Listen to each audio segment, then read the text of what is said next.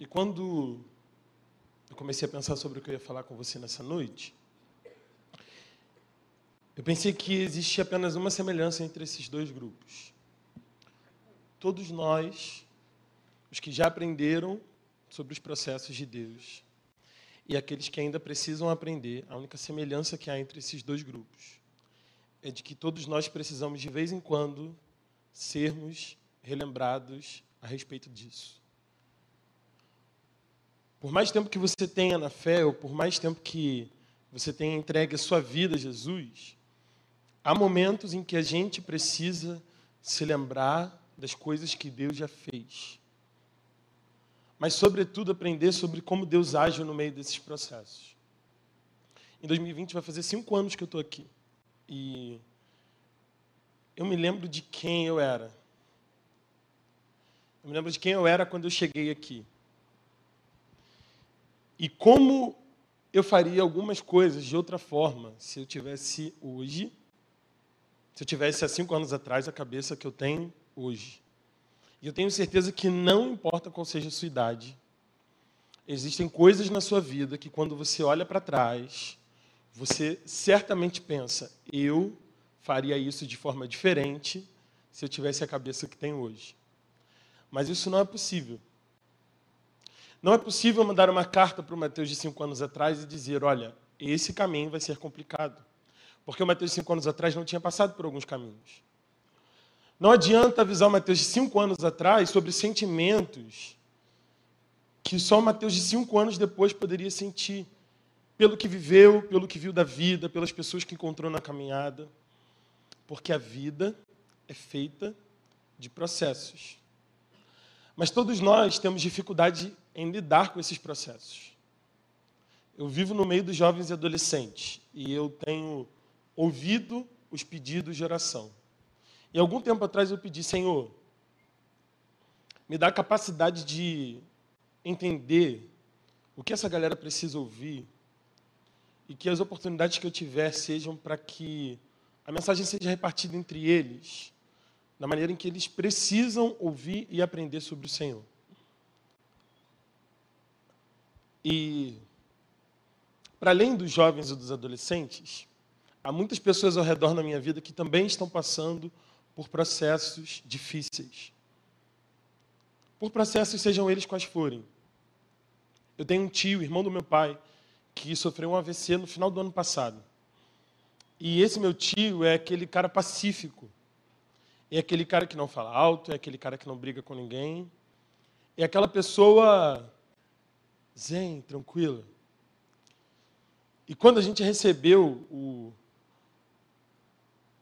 a notícia de que meu tio tinha sofrido um AVC, a primeira coisa que nos ocorreu foi: esse não é o tio que sofre de pressão alta, que não tem nenhum problema cardíaco também, que está tudo bem com ele. Por que é que foi esse tio que teve o AVC? E eu me lembro do movimento da minha família de visitar o meu tio, de ir à casa, de ir primeiro no CTI, e depois de ir à casa dele. Eu me lembro que quando a gente chegou no CTI, meu tio ainda não estava falando. Ele apenas balbuciava. Mas da última visita que eu fiz ao meu tio, ele já estava falando muito bem, já se sentava, mas um dos lados dele, eu não lembro se é o esquerdo ou o direito, não mexe. E chegou um momento, depois da gente conversar bastante, meu tio falou assim: agora é esperar. Porque tem dias, Mateus, que eu quero muito sentar na rua e andar. Tem dia que eu quero pegar o carro e simplesmente dirigir. Há dias que eu sinto muita falta de estar no meu trabalho, fazendo as coisas com as pessoas que conviviam comigo. Mas nesse momento, eu preciso esperar. E tem alguma coisa nessa vida pior do que esperar? Seja lá pelo que for. A gente voltou do acampamento dos jovens, alguns dias atrás, e estávamos famintos, saímos de lá à tarde, almoçamos um pouco de comida e voltamos logo. Parte do pessoal resolveu comer na estrada, mas outra parte falou assim: a gente chega no Rio, a gente se farta quando chegar lá. E a gente teve a brilhante ideia de entrar num drive-thru desses da vida. E quanto mais tempo eu passava naquele drive-thru, eu confesso a você que mais irritado eu ia ficando assim. Primeiro que fome é uma coisa que causa irritação. Há pessoas que com fome ficam completamente mal-humoradas, outras com sono. Mas eu me lembro que, assim, na primeira oportunidade que eu tive de sair do drive-thru, eu falei, eu preciso sair daqui, não tem como. Porque tem dias que a gente não consegue esperar. Só que existem coisas na vida sobre as quais a gente não tem domínio. Na verdade, as pessoas que entenderam que a vida é feita de processos são aquelas que entenderam que não podem ter nas suas mãos o controle de suas vidas. E como é difícil para a gente lidar com a falta desse controle. Porque o que a gente pode controlar, a gente diz que horas acontece, que horas vai, que horas volta. É assim quando você tem um filho, uma filha, criança. Você tem completo controle e domínio sobre esse ser humano. Até que um dia ele completa 13 anos. Até que um dia, ela que nunca tinha perguntado nada além de porquê, começa a te desafiar para fazer aquilo que ela gostaria de fazer.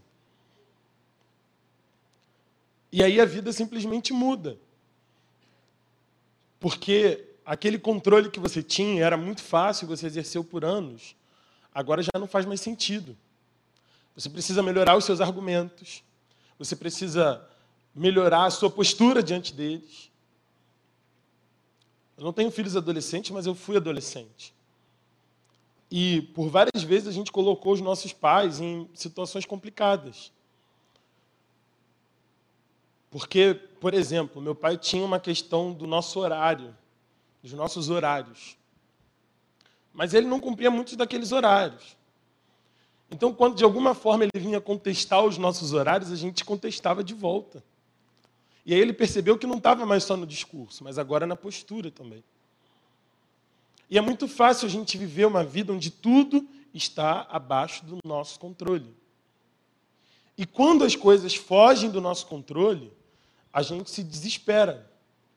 E a Bíblia Sagrada é cheia dessas histórias, onde Deus age por meio de processos e onde algumas pessoas conseguem lidar com esses processos e outras simplesmente não conseguem.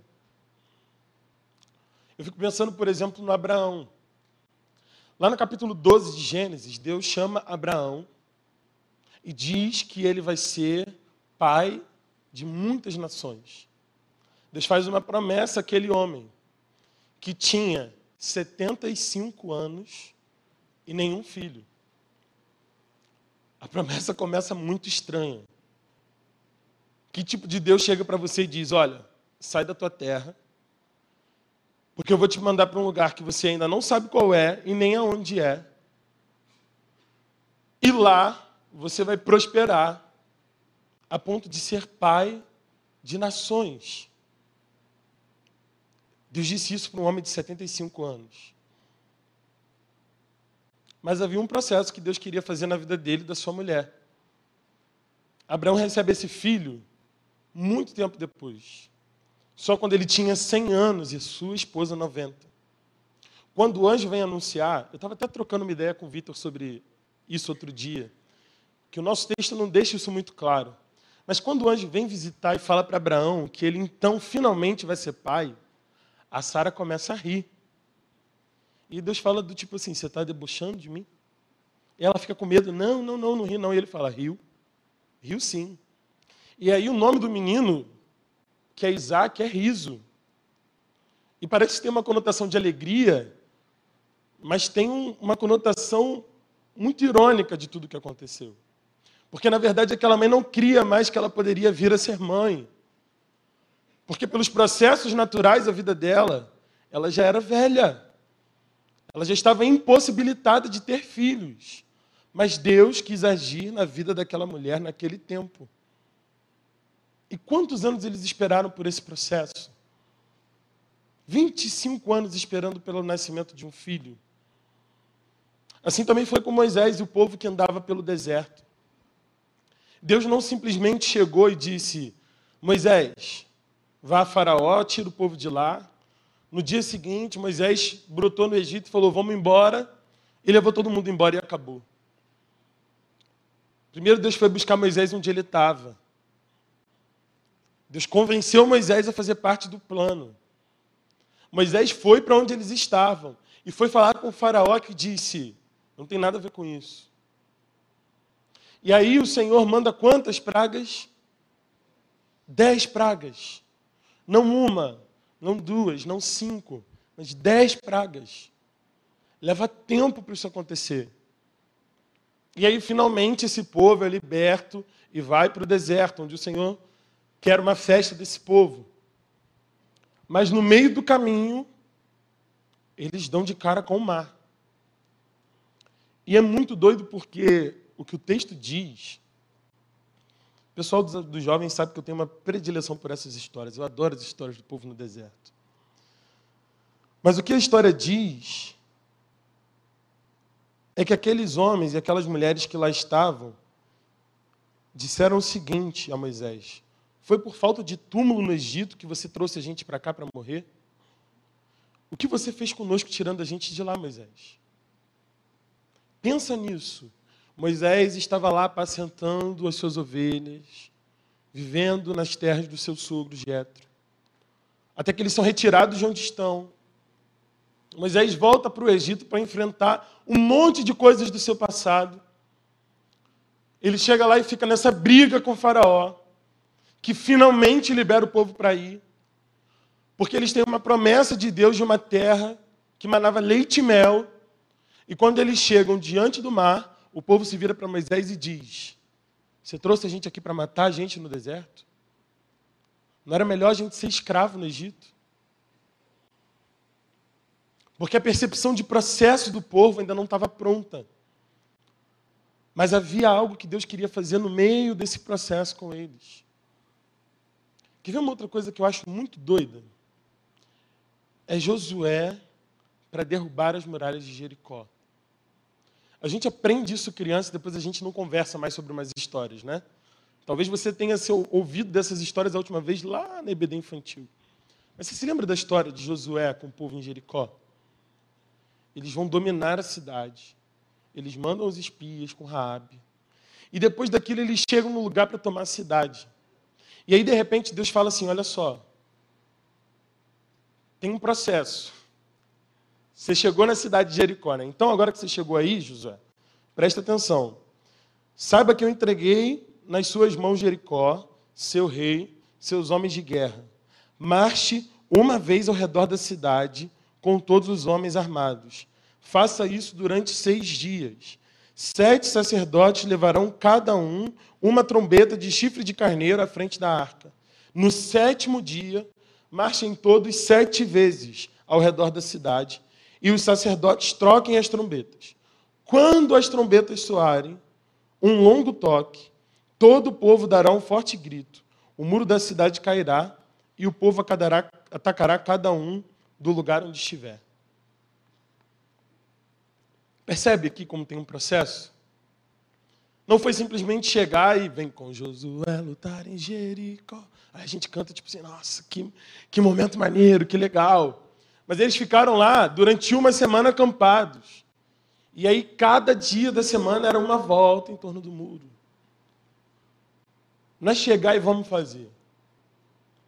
E por que eu estou te falando desses processos todos que a Bíblia tem? Porque a gente tem dificuldade de viver por esses processos também. A gente tem dificuldade de enxergar o que Deus fez no meio do seu povo entender que as coisas também vão funcionar no tempo de Deus e no processo de Deus. A gente canta que confia no Senhor, que a gente espera em Deus, mas quando a gente está em meio a processos difíceis, a gente se desespera. E é como se a gente esquecesse do que tinha acontecido com esse povo no passado. Mas ainda bem que nós temos acesso à palavra que nos conta essas histórias e nos mostra que o nosso Deus age por meio de processos. Quando eu cheguei aqui, a gente fez uma reunião com os pais dos adolescentes da época. E foi muito engraçado, porque parecia um parecia um político em ano de campanha, sabe? E aí me fizeram todas as perguntas sobre a minha vida, sobre o que eu pensava do ministério, se eu ia levar o pessoal para participar de reuniões, o que eu pensava sobre isso, sobre aquilo. E foi uma série de perguntas. E quando aquilo acabou, eu falei assim: meu Deus, no que foi que eu me meti? Há quem dera eu soubesse naquele dia que nada seria da maneira como eu gostaria, o que eu queria que acontecesse. Mas graças a Deus, porque esse processo me ensinou que, próximos a Deus, a gente pode viver o melhor processo para as nossas vidas. Quando a gente vai cantar, né, tem cantores quando vão fazer os seus shows dizem essa música é para os corações apaixonados, né? Essa mensagem é para os corações ansiosos. São para aqueles corações que têm tido dificuldade de esperar. Essa mensagem é para aqueles que têm passado por processos muito difíceis e não sabem como passar por esses processos. Deus me fez encontrar um salmo onde fala sobre outras formas de lidar com a espera, que nem sempre é fácil. Eu não quero utilizar essa noite para te dizer que a espera é um movimento fácil. Eu não quero utilizar essa noite para te dizer que todos os processos são iguais. Porque Deus sabe que coisa tem para fazer na sua vida e que coisa tem para fazer na minha vida. Deus sabe em que tempo pode conceder algo a você e que tempo Ele tem para conceder algo a mim. Mas essa noite não é para a gente falar sobre o tempo é para a gente falar sobre o processo e a importância de confiar e acreditar nos processos que Deus tem para a gente. Quero te convidar a abrir a sua Bíblia no Salmo 37. Eu quero fazer uma breve reflexão com você em cima desse salmo. Nós vamos ler o Salmo 37, do versículo 1 ao versículo 7.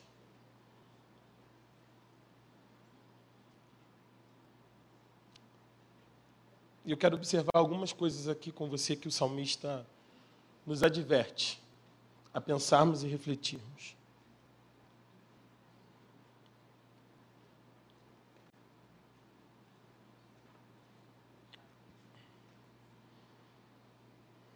Salmo 37, a partir do verso 1, vai nos dizer o seguinte: Não te indignes por causa do que dos que fazem mal, nem tenha inveja dos trabalhadores da iniquidade. Porque eles logo serão cortados fora como a grama e murcharão como a erva verde. Confia no Senhor e faz o bem. Então tu habitarás na terra e verdadeiramente serás alimentado. Deleita-te também no Senhor e ele te dará os desejos do teu coração. Entrega o teu caminho ao Senhor, confia também nele e ele fará com que isso passe, ou ele agirá. Ele gerará a tua justiça como a luz e o teu juízo como o meio-dia. Descansa no Senhor e espera pacientemente por ele. Não te indignes por causa daqueles que prosperam em seu caminho, por causa do homem que faz com que os artifícios aconteçam. Não tem, para você que entendeu o que o texto diz, não tem conselho fácil mas eu queria refletir com você sobre cinco coisas que o salmista nos adverte durante esse texto aqui. A primeira delas é não se aborreça. Não se aborreça. Tem coisa mais difícil do que isso. Todos nós aqui temos alguém. Quem de nós, vamos lá, quem de nós aqui tem alguém que nos aborrece hoje? Alguém que é motivo do nosso aborrecimento? Muito bem. Quantos de nós somos aqueles que aborrecem alguém também? Que bom que vocês têm essa consciência sobre si mesmos. Porque, eu não sei se é o Rick Warren, mas em um dos livros, eu acredito que seja ele um dos seus livros, vai dizer que existem pessoas lixas na vida da gente. Porque elas servem para aparar as nossas arestas. E, na verdade, todos nós somos lixas. Então, tem alguém aparando as nossas arestas. E a gente vai aparando as arestas de alguém. Pessoas lixas são aquelas pessoas que, de maneira conveniente ou não, nos dão aqueles toques que a gente não gostaria que ninguém desse, mas elas vêm e dão. E você olha para elas e fala assim: Mas eu não te perguntei nada, sabe? Essas pessoas existem na vida da gente. Assim como existem aquelas pessoas desagradáveis mesmo que caminham na vida da gente. E o Salmo 37 vai contar de um aborrecimento do salmista com o homem ímpio. Ou melhor, com a prosperidade de um homem ímpio. O salmista está seguindo o caminho do justo. Lembre-se do Salmo 1, que fala sobre o caminho do ímpio e o caminho do justo. O caminho do justo, ele conduz à vontade de Deus, e o caminho do ímpio, ele conduz à ruína. Essa é a ideia que o salmista tem sobre o caminho do justo e o caminho do ímpio.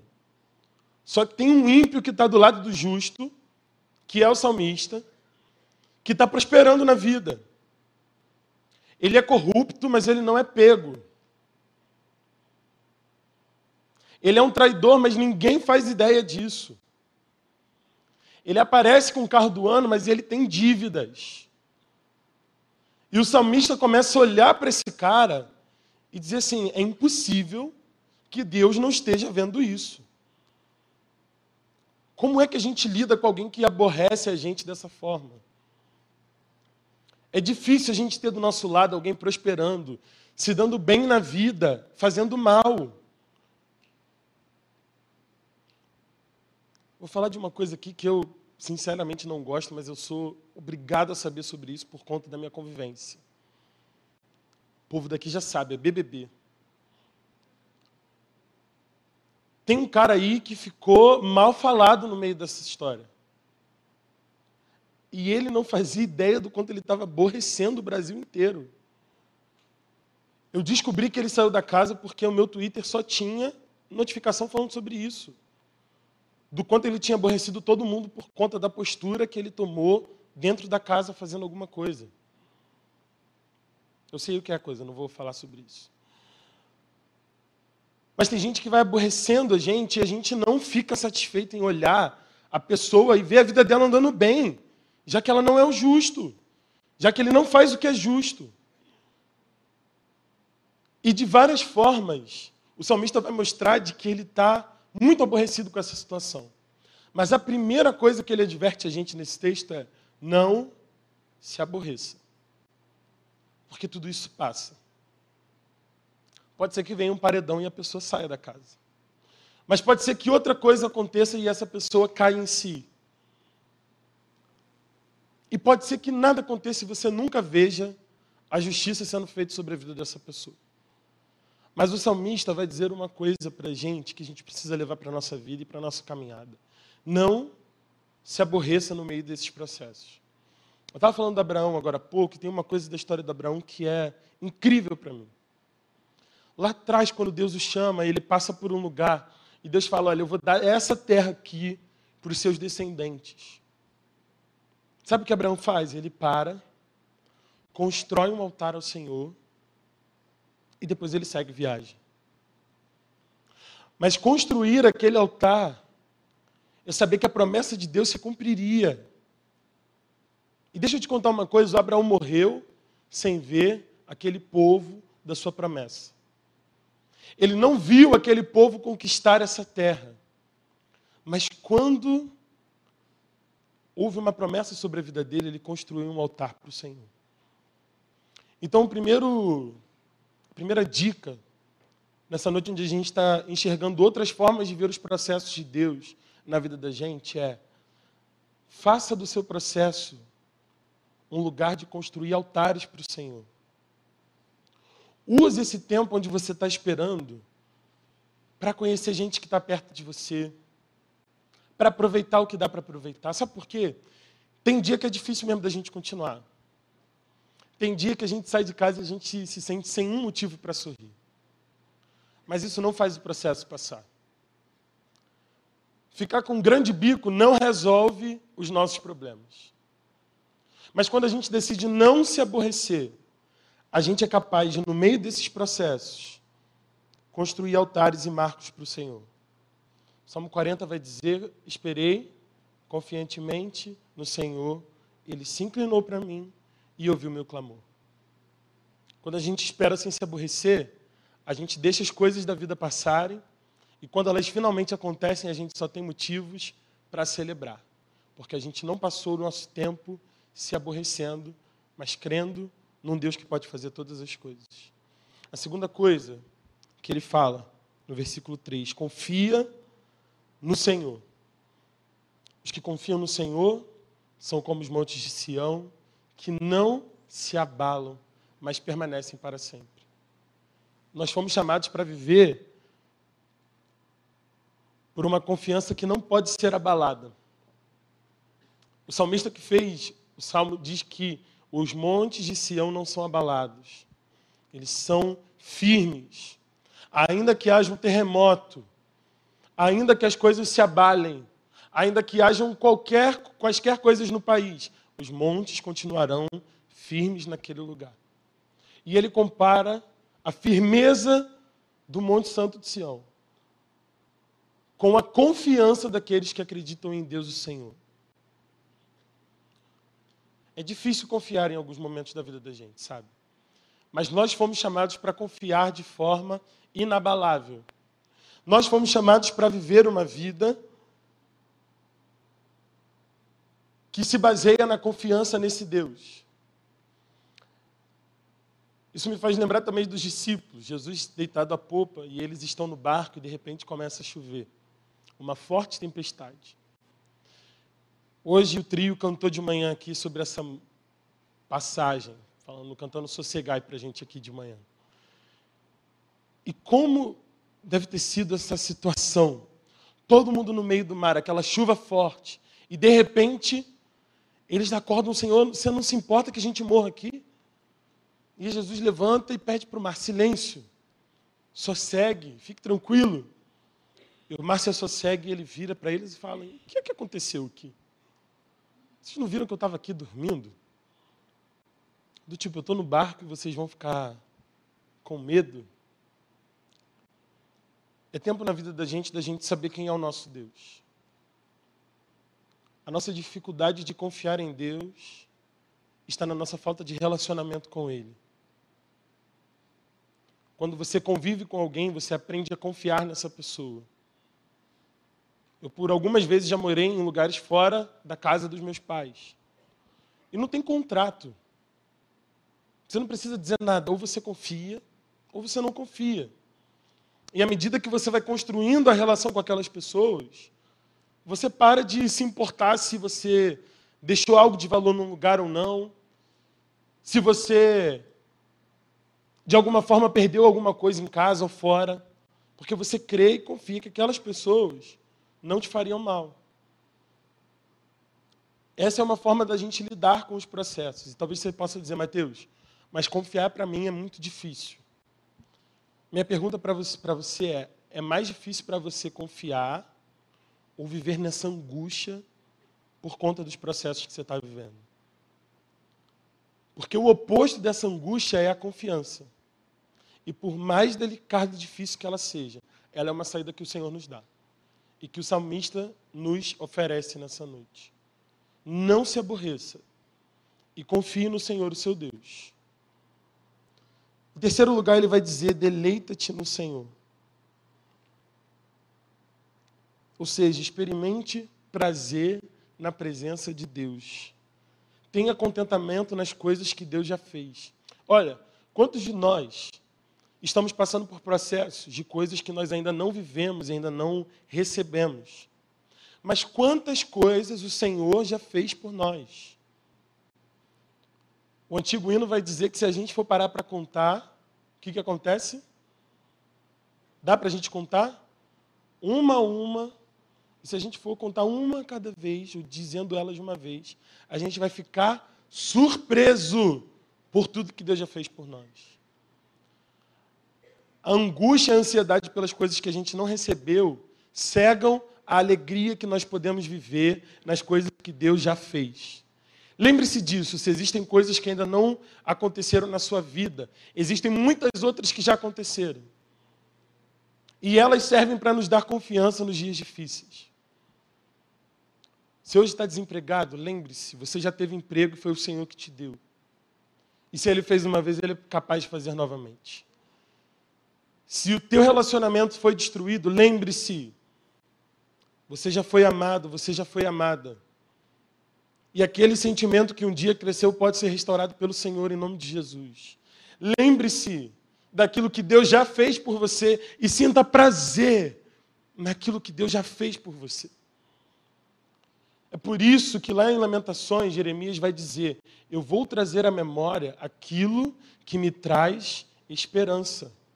Eu me lembro da minha aflição e do meu delírio, da minha amargura e do meu pesar. Eu lembro-me bem de tudo isso e a minha alma desfalece dentro de mim. Todavia, eu me lembro também do que pode me dar esperança. Graças ao grande amor do Senhor, é que não somos consumidos, pois as suas misericórdias são inesgotáveis. Renovam-se a cada manhã, grande é a sua fidelidade. Digo a mim mesmo: a minha porção é o Senhor. Portanto, nele porei a minha esperança. O Senhor é bom para com aqueles cuja esperança está nele, para com aqueles que o buscam, e é bom esperar tranquilo pela salvação do Senhor. É bom esperar tranquilo pela salvação do Senhor. Mas isso só acontece se a gente encontra prazer no Senhor. Prazer na sua lei, prazer em estar na sua casa. Não vir aqui porque os seus processos estão muito difíceis, mas voltar aqui todas as vezes porque você sabe que há palavras de Deus para a sua vida. Existe uma grande diferença entre vir aqui correndo atrás de bênçãos e ser alcançado pelas bênçãos enquanto você está aqui. Se o teu desejo foi vir aqui nessa noite, simplesmente porque você quer que alguma coisa mude na sua vida, olha, Deus tem poder para fazer isso. Mas o desejo de Deus é que você tenha prazer na presença dEle. Que você tenha prazer na palavra dEle. Que você tenha prazer na convivência dessa comunhão. E quando a gente busca isso, as outras coisas se tornam secundárias. E essas coisas se tornam secundárias para a gente, mas para o Senhor elas são importantes. A gente busca em primeiro lugar o reino de Deus e a sua justiça, e as outras coisas vão sendo acrescentadas, porque o Senhor não se esquece das nossas necessidades. Mas onde é que está o prazer do teu coração? No meio desse teu processo, da tua dor, qual é o lugar de Deus na sua vida? Deleita-te no Senhor, e Ele concederá o que deseja o teu coração. Olha que promessa linda que a gente tem. Se o teu prazer estiver no Senhor, Ele concede o que está no teu coração. Sabe por quê? Um coração escondido na vontade de Deus não pode querer aquilo que Deus não pode te dar e daquilo que Ele não quer te dar. Se você quer viver segundo a lei do Senhor e tendo prazer na lei dele, você vai ter resolvido tudo que está no teu coração, porque o teu coração está escondido na vontade do teu Criador. Porque você sabe o que Ele tem para a sua vida. Portanto, não se aborreça. Portanto, confie. Portanto, tenha prazer, deleita-te no Senhor, para Ele conceder o que está no seu coração. Em quarto lugar, entregue o seu caminho ao Senhor. A gente ama repetir isso. A gente ama dizer, entrega o teu caminho ao Senhor, confia nele, Ele tudo fará. A gente gosta de dizer isso. Esse salmo está decorado no nosso coração. Mas olha, entregar também nem sempre é fácil. E existe uma grande diferença entre confiar e entregar. Você quer ver um exemplo disso? Eu confio que o Pedro, que está aqui, possa subir e tocar guitarra, porque eu sei que ele toca guitarra. Eu confio no Pedro. Mas, embora eu saiba que o Pedro dirija, eu não confio de deixar a chave do meu carro na mão do Pedro.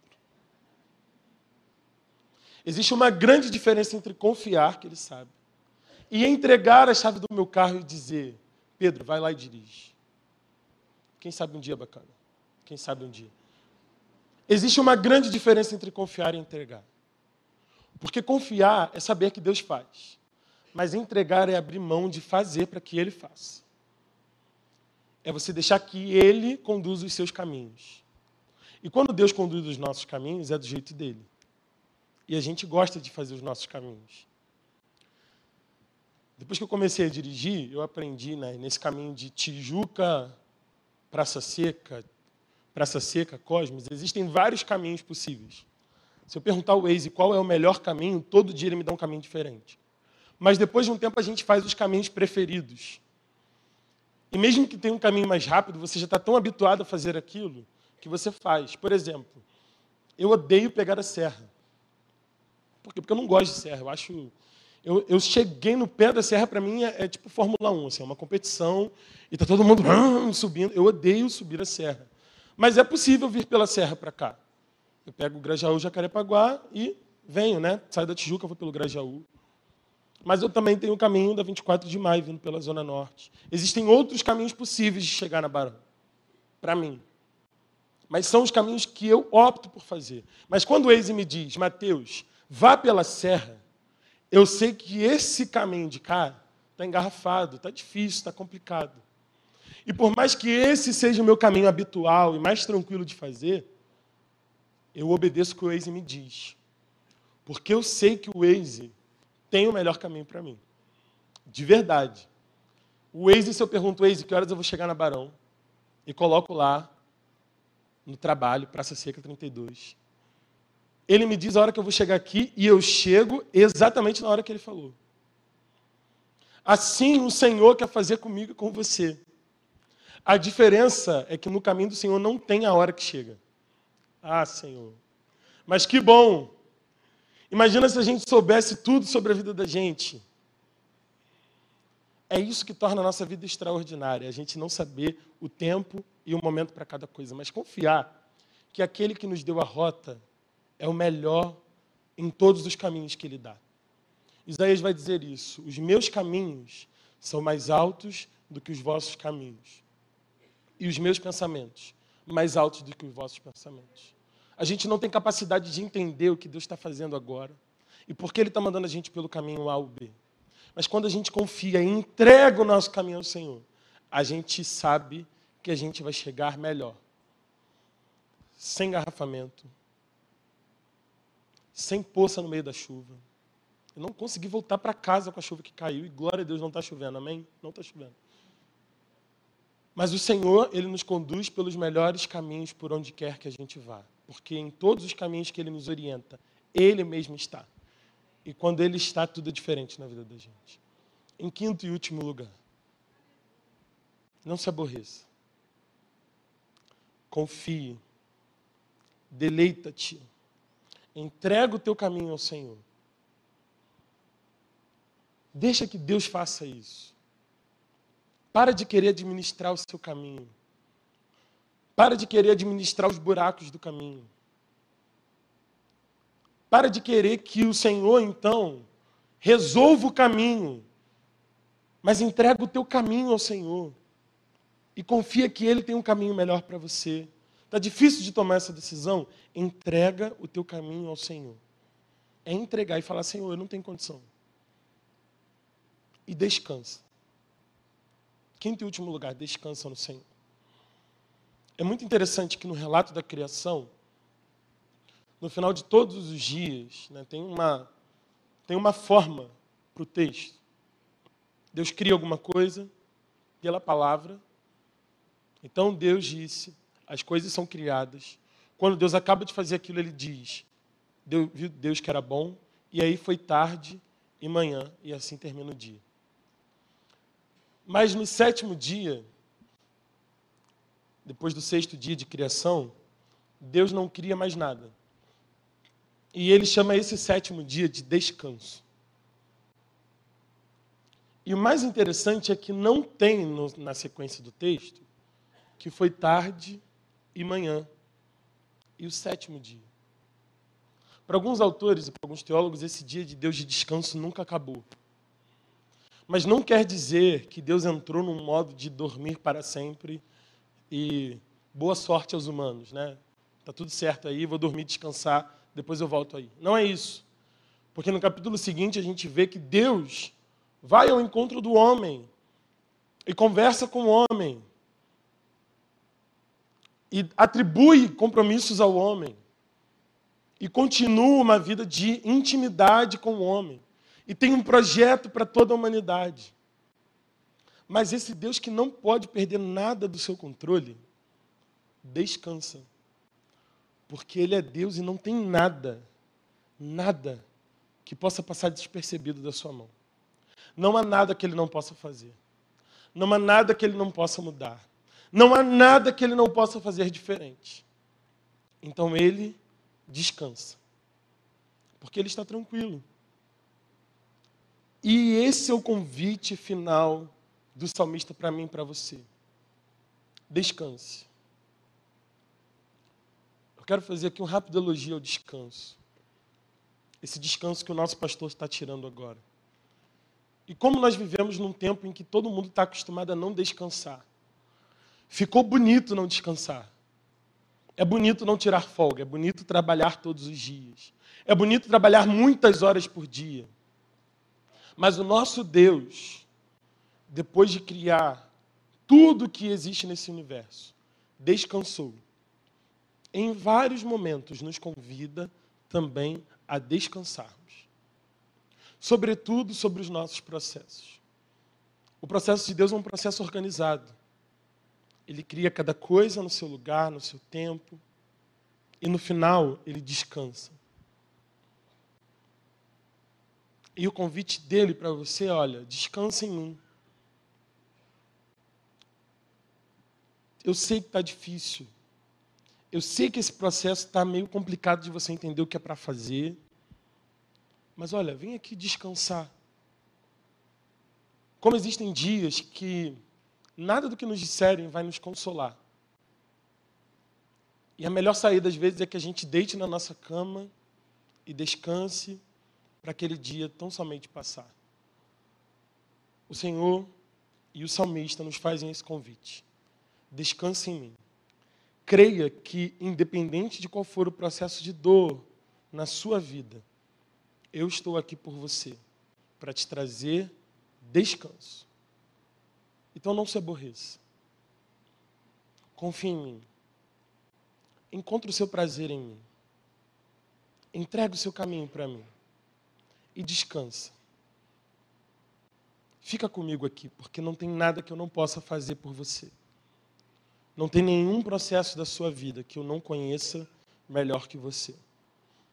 E aquele que é capaz de fazer infinitamente mais do que tudo o que pedimos ou pensamos, de acordo com o seu poder que atua em nós. É dele que nós estamos falando. A ele seja a glória. E a ele seja a glória pelas nossas vidas, à medida que a gente entende isso. À medida que a gente resolve se entregar à medida que a gente entende que existem outras formas de passar por esse processo. Que não ansiosos, que não angustiados, que não chorosos por tudo. Existem outras formas de lidar com processos difíceis que não sempre mal-humorados, que não sempre bravos com as situações, mas entendendo o que o salmista falou, entendendo que existe um Deus que cuida de nós e nos convida ao seu descanso, porque quando descansamos nele, encontramos paz. Eu quero orar com você nessa noite. Quero te convidar a curvar as suas cabeças, fechar os seus olhos.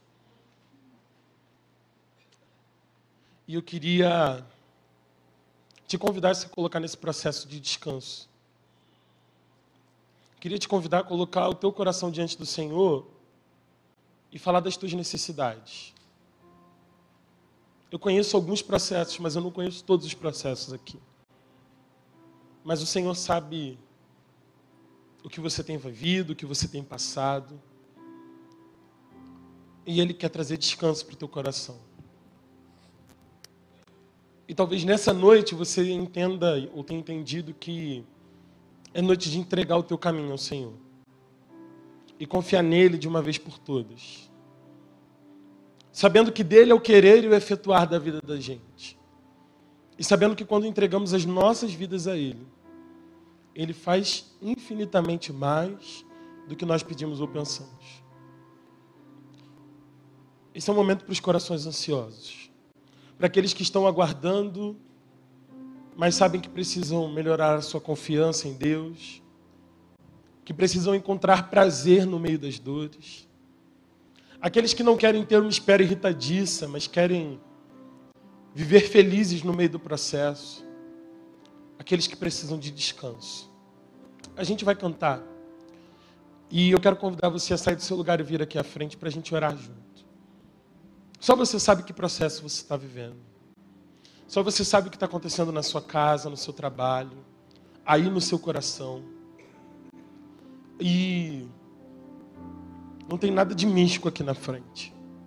Estou te convidando a vir para cá porque são nesses momentos de dores que a gente precisa se abraçar, que a gente precisa orar uns pelos outros.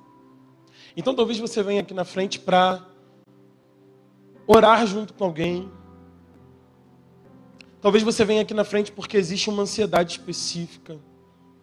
Um filho, uma filha, talvez o seu marido, a sua esposa, a sua família, a sua relação com as pessoas da sua casa, a relação com as pessoas do seu trabalho. a tua relação com as pessoas aqui na igreja, com algum ministério, com uma prova que você não passou, que você gostaria de ter passado, Deus sabe qual é o teu processo. E Ele te convida nessa noite a descansar nos braços dele.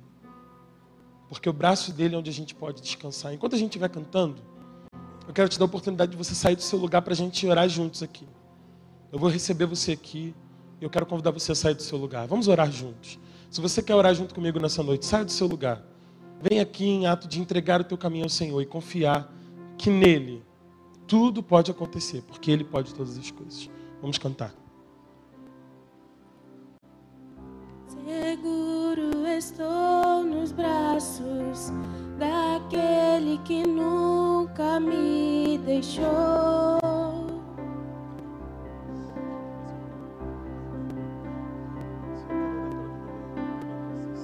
Seu amor perfeito sempre esteve repousado